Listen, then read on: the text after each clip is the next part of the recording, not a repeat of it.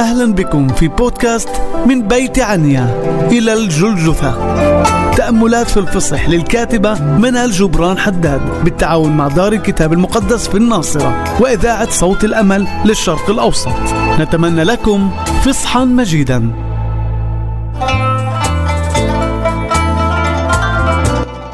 وكان الجمع الذي معه يشهد أنه دعا لعازر من القبر وأقامه من الأموات. لهذا أيضا لاقاه الجمع لأنهم سمعوا أنه كان قد صنع هذه الآية وكان أناس يونانيون من الذين صعدوا ليسجدوا في العيد. فتقدم هؤلاء إلى فيلبس الذي من بيت صيدا الجليل وسألوه يا سيد نريد أن نرى يسوع. فأتى فيلبس وقال لإندراوس ثم قال إندراوس وفيلبس ليسوع إنجيل يوحنا إصحاح الثاني عشر والآية السابعة عشر والثامن عشر والآية العشرين حتى الآية الثانية والعشرين. جموع كثيرة جاءت مع الذين قصدوا الاحتفال بيسوع.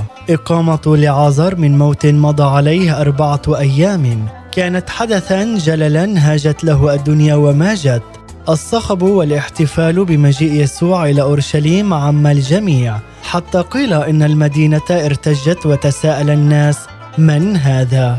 ووسط هذا الصخب كله يأتي رجال يونانيون بطلب صادق بسيط توجهوا به لأحد التلاميذ يا سيد نريد أن نرى يسوع. لم يهتموا للاحتفالات للاستقبال لحديث الناس. عن يسوع أو لعازر أو أي موضوع آخر ولم يقفوا على جوانب الطريق ليروا موكب الاحتفال ومراقبة الجموع السائرة خلفه.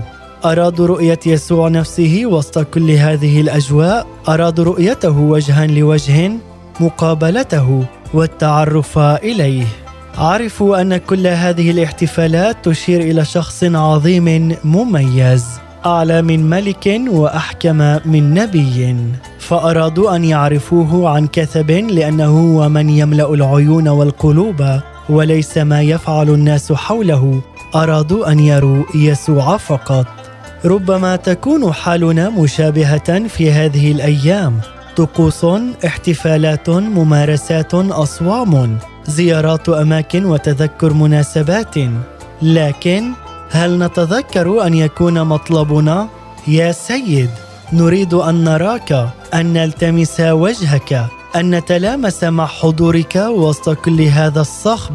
لا نريد عادات وتقاليد نمارسها وننسى أنك أنت هو من ثبت عيونك نحو أورشليم ولم تر امرا آخر سوى الصليب الذي ستقدم به نفسك. نريد أن نراك. أنت يا سيد ومعك لا نريد شيئا آخر. نهاركم مبارك نتمنى لكم فصحا مجيدا. نشكركم على حسن المتابعة لبودكاست من بيت عنيا إلى الجلجثة. للمزيد تابعونا على محرك البحث على مختلف منصاتنا الاجتماعية. إذاعة صوت الأمل.